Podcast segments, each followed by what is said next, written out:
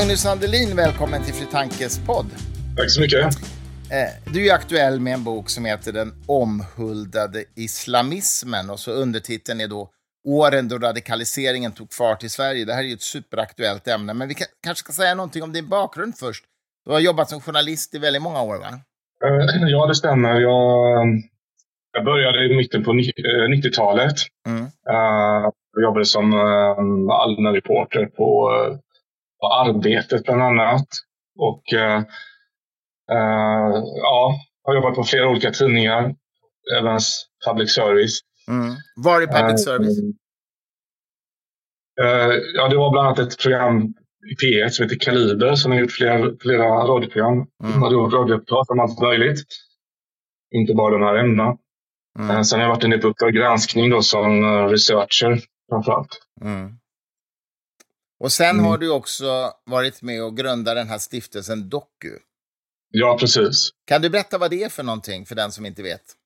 Ja, 2018 så eh, var vi några stycken som, som uh, vi hade pratat om att uh, bilda någon form av organisation som skulle kunna då fokusera på journalistisk granskning av radikal islamism, den typen av rörelser. Mm. Uh, lite hade vi sneglat på åt hur Expo funkade. Liksom. Vi ville ha någonting i det hållet fast, fast då inriktat på de här ideologierna istället. Mm. Och, uh, det var också mycket med, på grund av ja, den här radikaliseringsvågen som, som hade pågått i Sverige under flera år med IS och sådär.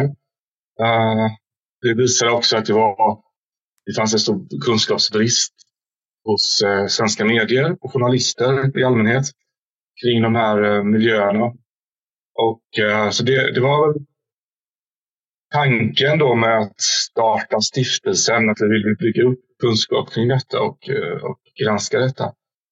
Eh, sen nu så har jag eh, har lämnat den stiftelsen och organisationen. Vi håller på att avveckla den och de som är kvar håller på att ombilda den till, till ett bolag istället. Eller ja, bedriva verksamheten i annan form så att säga. Okay. Uh, på grund av, uh, ja, det, var, det är lite snårigt det där med stiftelseformen liksom. Man ska, mm. Hur man ska liksom uh, lyckas med finansiering och så vidare. Så det var mm. bland annat den orsaken. Ja, jag förstår, jag mm. förstår. Men, men Doku ska leva vidare i alla fall, så att säga, med samma, samma uppdrag ändå? Eller? Ja, ja men precis, det är tanken. Och, och äh, ja, de som är kvar de, de får, får formulera liksom vad som ska ingå i deras uppdrag. Men det är ju i princip samma. Möjligtvis lite bredare anslag kan jag tänka mig. Mm. Och jag, mm. Om jag inte minns fel så var väl Jan Guillou ute och vevade mot er ganska hårt. Va? Han gillar inte er, eller hur, hur var det? Ja, nej, men precis. Han är ju, Jan Guillou har ju varit kanske vår främsta PR-människa här. Vi har fått in mycket donationer efter att han har skrivit eh, arga krönikor om oss. Uh, och liksom sympatierna fallit till, till Doku istället.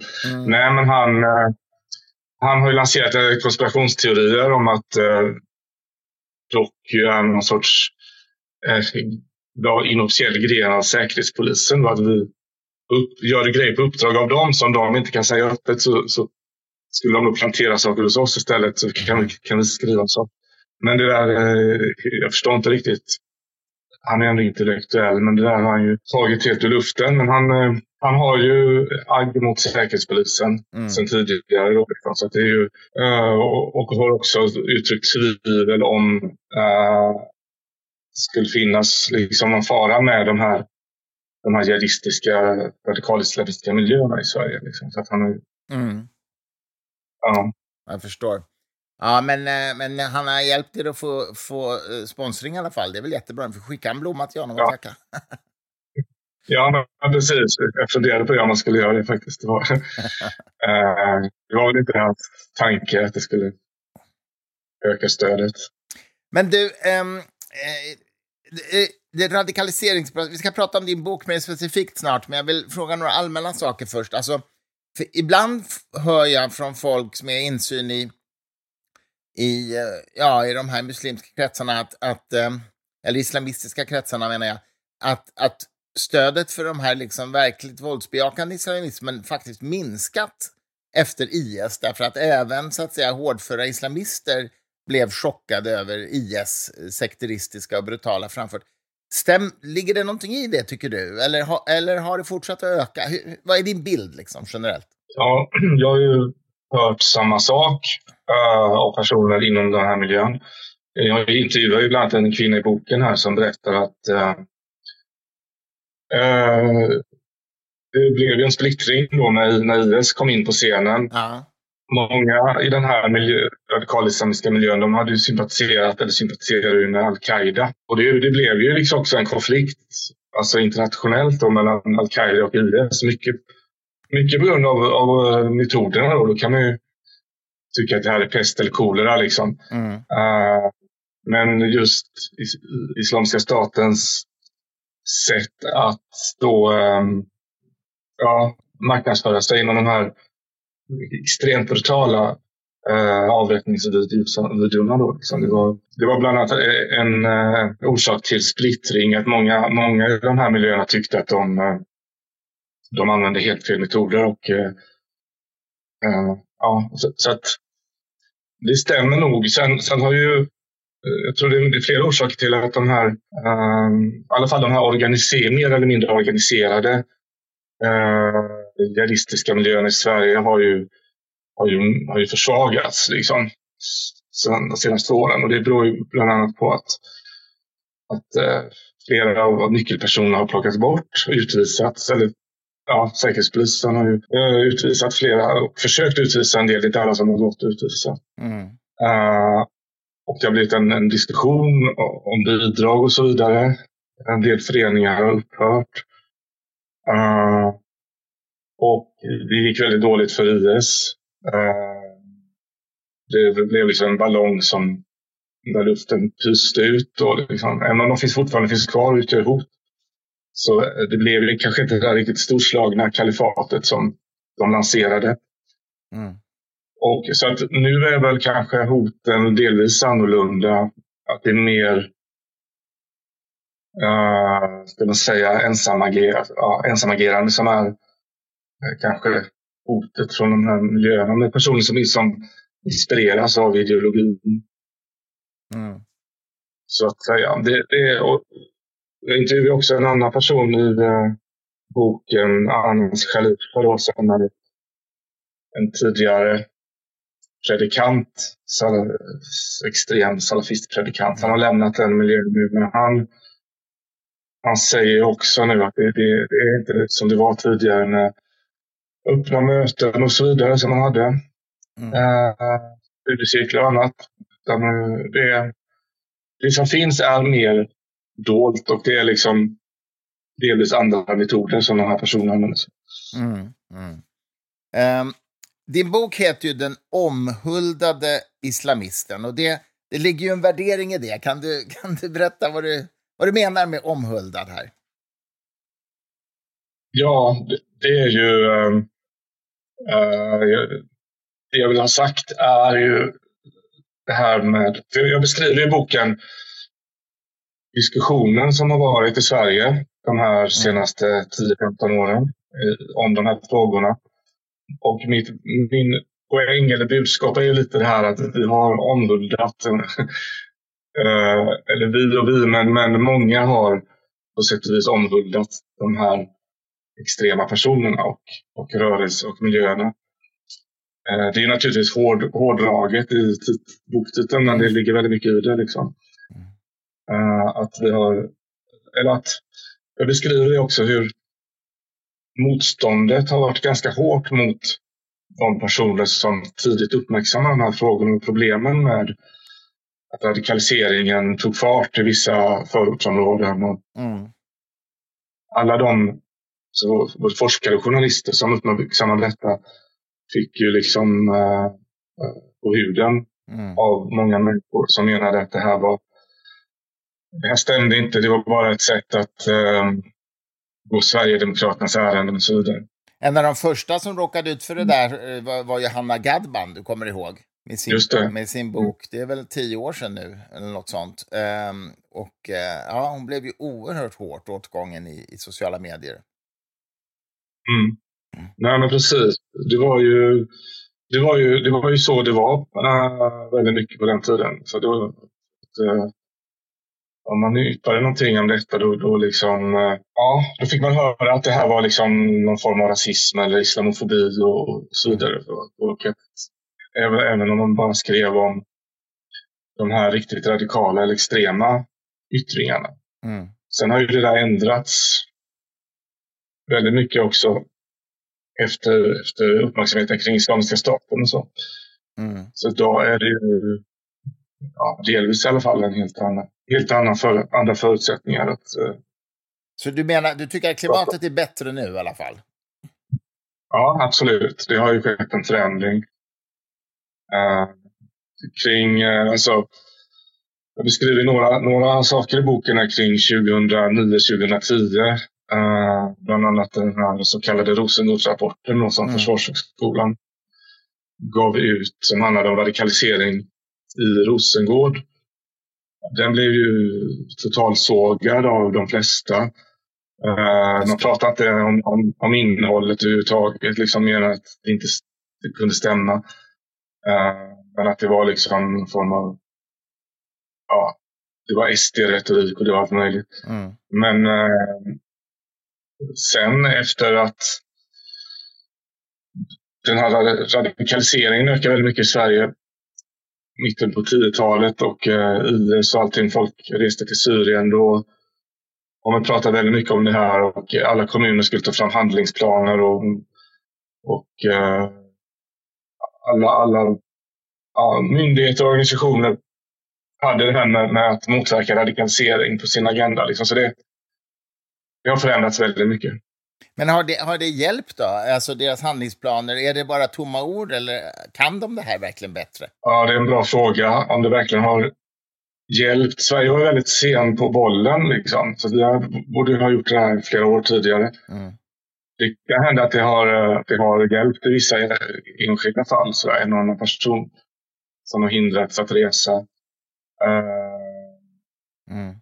Men i det stora hela, jag vet faktiskt inte om det har hjälpt. Det, det var någon utvärdering som gjordes av Göteborgs universitet för några år sedan av de här handlingsplanerna visade ju att det är väldigt mycket alltså man har kopierat mallar och, liksom, och det har inte varit...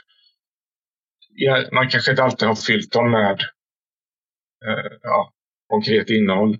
Ja. Nej. Så att, uh, Alltså jag, jag, mm. jag tycker mig ändå se en ganska exempel på ganska stor okunskap även hos public service. Till exempel, man har ju ofta den här imamen Kashif Virk eh, som gäst och han är ju supersympatisk och har ju liksom säger bra saker och sådär, men är ju Ahmadiyya muslim och alla andra muslimer i världen anser ju att de inte är muslimer så att säga. Um, och det är klart de har rätt att kalla sig muslimer, men, men det är kanske konstigt att Sveriges Radio och Sveriges Television låter honom representera islam. Det är ju som om man skulle ta en mormon i studion och representera kristendomen. Mm. Har du gjort den reflektionen också? Ja. Eh, jo, nej, men så, så är det väl. Jag, jag deltog ju på ett sånt här Ahmadiyya-konferens i mm. London för några år sedan. Mm. På ett studiebesök kan man säga. Det var ju jätteintressant. Och så här. De är ju väldigt, det är en väldigt liten, väldigt liten, liten del inom den muslimska communityn om man säger så. Men just eftersom de ifrågasätts uh, av väldigt många muslimska stater bland annat så är de också väldigt utsatta. Mm. Uh, nej, men sen är de, menar, det är ju klart att de, de tar ju klart ställning mot våld och, och sådär. Mm. Uh, sen är de ju samtidigt konservativa i vissa andra frågor. Så, mm. så att, men, men, det är klart att jag kan tänka mig att uh, journalister ibland vill lyfta fram någon form av mer positiv bild kanske av islam än den som brukar framstå, framställas. Liksom. Och då, mm. då är det väl lätt att bjuda in honom med hans kollegor där, jag tänka. Mm. Jo, nej, men jag förstår, att han, jag förstår ju att han gärna gör det, men jag menar bara att man, man talar ju aldrig om att han tillhör en liten, liten rörelse som inte erkänns som muslimer av varken shia eller sunni.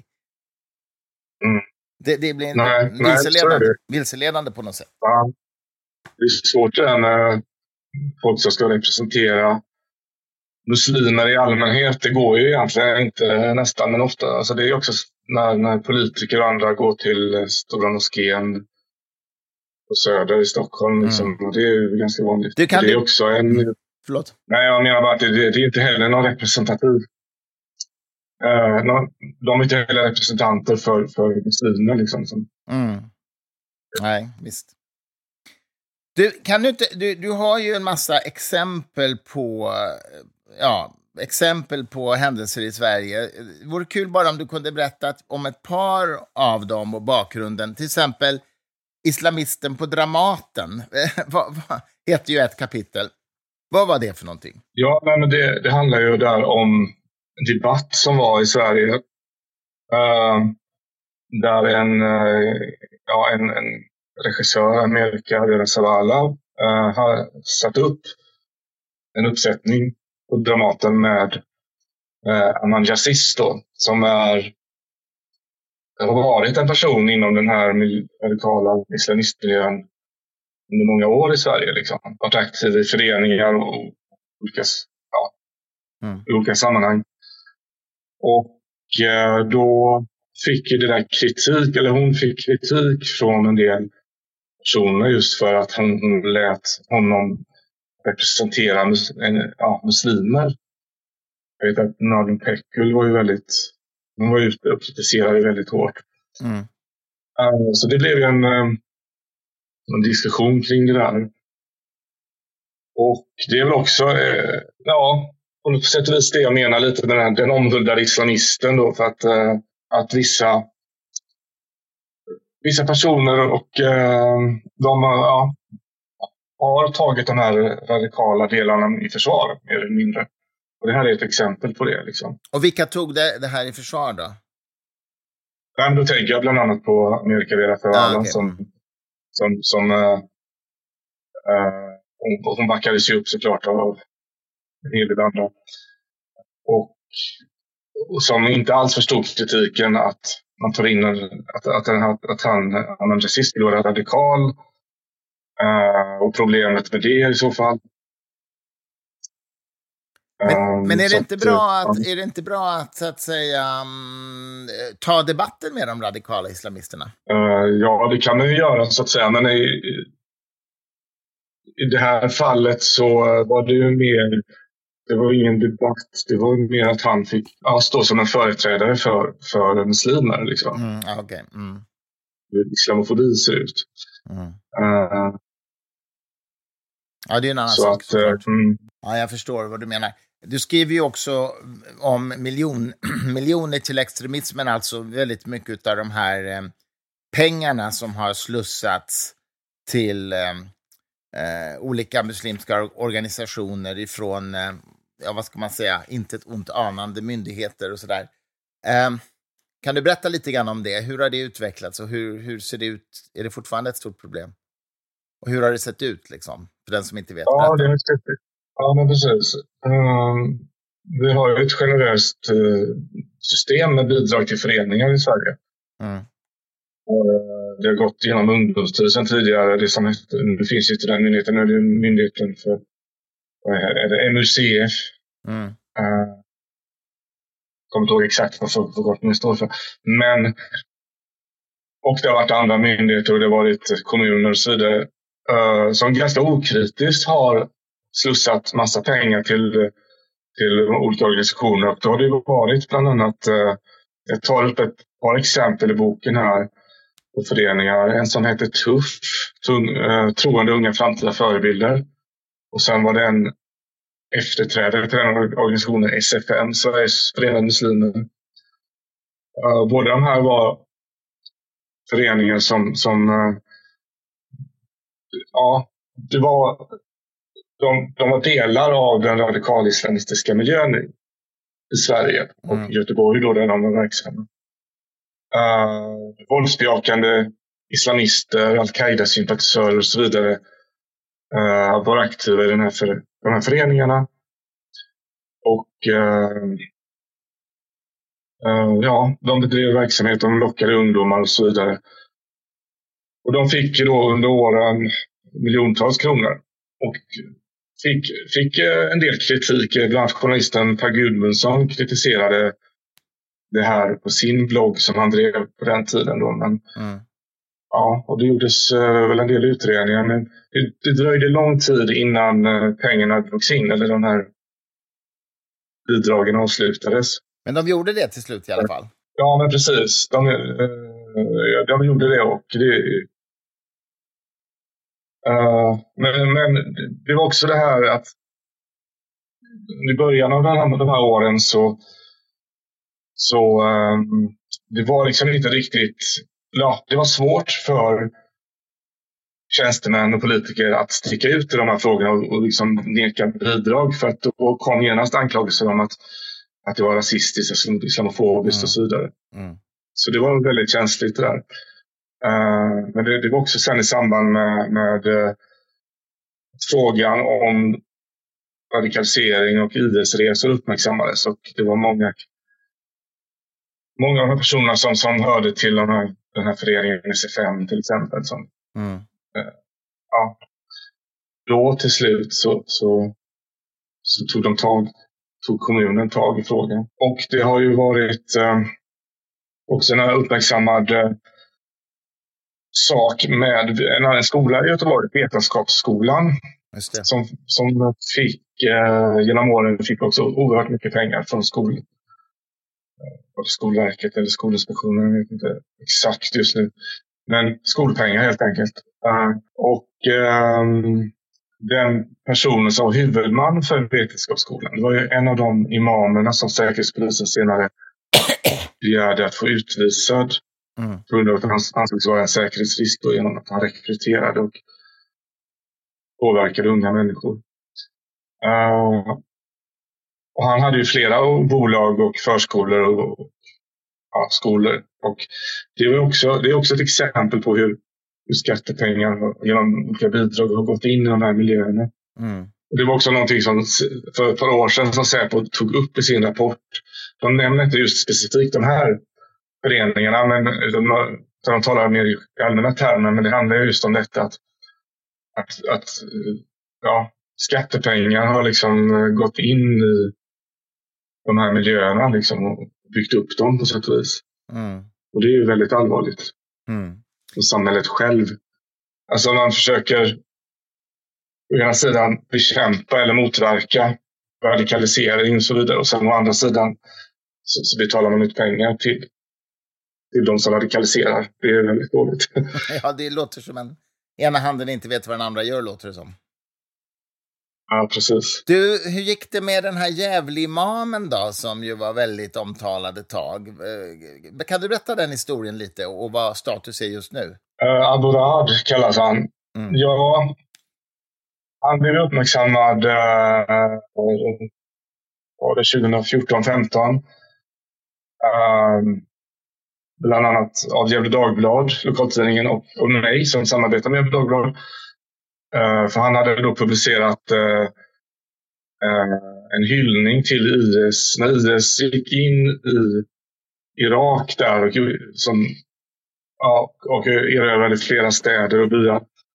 Då skrev han ett väldigt hyllande inlägg på Facebook på mm. arabiska. och Gefle Dagblad som också som granskade ja, och hans familj. De kunde visa på en, en, en massa olika eh, extremistkopplingar och så vidare. Och det, han, han var ju också en av de som sen Säkerhetspolisen begärde att få utvisad. Eh, 2019 då, av samma, samma skäl som, som eh, man ville ha, ha huvudmannen för Vetenskapsskolan utvisad till exempel och några andra ledande islamister i Sverige. Man ansåg att de bidrog till att radikalisera människor och att de här miljöerna växte. Och, eh, men alltså det, det har varit svårt som sagt att få dem utvisade på grund av att eh, de riskerar, eh, de riskerar ja, förföljelser och trakasserier, kanske tortyr i, i de länder som de kommer ifrån. Eh, så mm. de har ju varit kvar i Sverige. Men både, sen har ju då både Abu, ja, Abu Talal och Vetenskapsskolas tidigare huvudman och Abu Rad från Gävle har då mer eller mindre självmant lämnat Sverige. Okej. Okay. Så att uh, när det gäller Abu Rad så har han uh, uh, ja, lagt ut Youtube-klipp där han har små korta predikningar från, jag tror det är Turkiet någonstans. Nu var det ett tag sedan som jag var inne och kollade där, så jag vet inte exakt om det har hänt någonting de senaste månaderna där. Men tidigare så, mm. så tror jag att han var där. Och det är predikningar om vad då? Ja, det är, det är om religiösa frågor liksom. Mm. Det är väldigt eh, teologiskt att säga. Mm. Så att... Eh, och det, var och det är på arabiska. Så om att arabiska så är det svårt att hänga med. Ja, jag förstår det. Och det var hans son som var inblandad i den här Sveriges Radio-skandalen, va? Ja, men precis. Uh, Sveriges Radio, det var ju en reporter som då granskade de här utvisningarna då, eller om henne, ja, som, som Säkerhetspolisen uh, lämnade in ansökan om till Migrationsverket. Då, och uh, då intervjuade den här reportern bland annat då Aborads son var också föremål för, för utvisningsbeslut nämligen. Mm. Den här och i Ekot, den här reportern, han gjorde flera granskande inslag där de då ifrågasatte eh, rättssäkerheten och, och ja, riktigheten i att utvisa de här personerna. Uh, och sen visade det sig efter granskning av uh, Doku just och Sofie Löwenmark på, på mm. Doku mm. att reporten som gjort de inslagen, hon hade då inlett någon form av relation med eh, Aborads son då, som samtidigt granskade. Mm. Så det blev väldigt eh, uppmärksammat helt enkelt. Det här skriver du om i boken, ja precis. Det blev ju väldigt mm. uppmärksammat. Och hur, hur slutade den historien så att säga? Vi fick, det diskuterades att det skulle göras någon oberoende utredning på sätt Vad hände? Vad hände? För den som inte minns. Ja, eh, det blev en massa debatt och diskussion kring eh, just Sveriges, Sveriges Radio och säkerheten på Sveriges Radio liksom, och oberoendet. Och, eh, I och med detta. Och man pratade väl om att göra en oberoende utredning, men jag, jag tror inte det gjordes någon. Jag är inte helt säker på det faktiskt. Mm. Och man kom fram till att uh, det kanske hade... Alltså det, det, jag tror att radioledningen kom fram till att det hade ändå liksom skötts på ett korrekt sätt på något mm. sätt. Men jag, jag, kan inte, jag minns inte just nu. Nej, jag förstår. Jag förstår. Nej, men det här finns ju väl beskrivet i din bok. Eh, onekligen mm. för den som vill läsa. Ja, du har ju ganska många, många exempel på där Sverige har agerat, eh, vad ska man säga, eh, väldigt godtroget och ganska okunnigt i, i många fall. Eh, du, Ann-Sofie Hermansson och hela den historien finns ju också med i ett kapitel här. Vad, vad, och sveket mot, mot Lars Vilks och, och så. Vad, ehm, vad tycker du liksom avslutningsvis att läget är nu? Har, har Sverige så att säga lärt sig någonting av alla, av alla de här ganska misslyckade situationerna eh, som du beskriver i boken? Har det ändrats? Eh, ja, men rent eh, generellt så har, det ju, har ju um, inställningen ändrats. Alltså, det är helt legitimt att, att skriva och rapportera om, om de här miljöerna och frågorna på ett annat sätt. Än det. Alltså, I början, runt 2010 kanske, då, om man som journalist då, eller som, om jag som journalist skrev om detta, då, då eh, var det med en viss skepsis från uh, en del kollegor och sådär. Att man undrade om, kan inte det här gynna Sverigedemokraterna? Hur man får frågan om. Liksom. Mm. Att det var fel att lyfta den, detta på grund av det. Då, att det, och det, det var väldigt fokus kring just hur det här skulle påverka Sverigedemokraterna. minns jag i många frågor. Mm. Men eh, så är det inte idag riktigt. Eh, de allra flesta är väl medvetna om att det är problem med de här extremistmiljöerna. Mm. Och att det är någonting som vi måste kunna vi måste hantera. Och vi måste kunna, om man är journalist så måste man kunna rapportera om det och skriva om det. Mm. Så det har förändrats. Sen finns det fortfarande personer och opinionsbildare som, uh, fortsätter ifrågasätta. Och så, så kanske det ska vara såklart. Man har rätt till att ha den uppfattningen så att säga. Um, men, um, ja, men det här som jag beskriver i boken också. Fallet med Ann-Sofie Hermansson, den förre mm. socialdemokratiska politikern i Göteborg. Mm. Hur hon stämdes för förtal för vad hon har skrivit på sin blogg om några aktivister. Det är också ett exempel på att det finns, det finns fortfarande ett visst motstånd mot de som uppmärksammar de här frågorna. Mm. Sen, hon friades ju från förtal ska man säga då. Mm. Men slutade som politiker va? Ja, hon jobbar ju inom eh, kommunala renhållningsbolagen nu. Mm. Mm. Du, eh, Magnus, va, kommer du fortsätta granska de här typen av miljöer? Eller är du klar nu i och med den här boken? Ja, vi får väl se. Grejen är att jag har ju bytt lite spår nu senaste tiden. Jag, jag, jag har jobbat inom kriminalvården nu under sommaren här och kommer utbilda mig till kriminalvårdare under hösten och förhoppningsvis kunna jobba vidare och ja, för, någonstans så, så skulle jag gärna vilja jobba med de här frågorna inom den myndigheten. Det är ett stort behov av, såklart, uh, av mm. kunskap. Mm. De här personerna kommer ju, de hamnar ju hos kriminalvården allt som oftast. Kanske kan bli ett reportage inifrån kriminalvården nästa bok. ja, vi får väl se. uh, vi får se om några år. Ja, det är bra. Ja. Okej, okay, Magnus. Um, uh, vi stoppar där, tänker jag. Magnus Andelin, uh, ny bok, Den omhuldade islamisten. Stort tack för att du var med i Fri Tankes podd. Tack så mycket. Tack för att jag fick komma.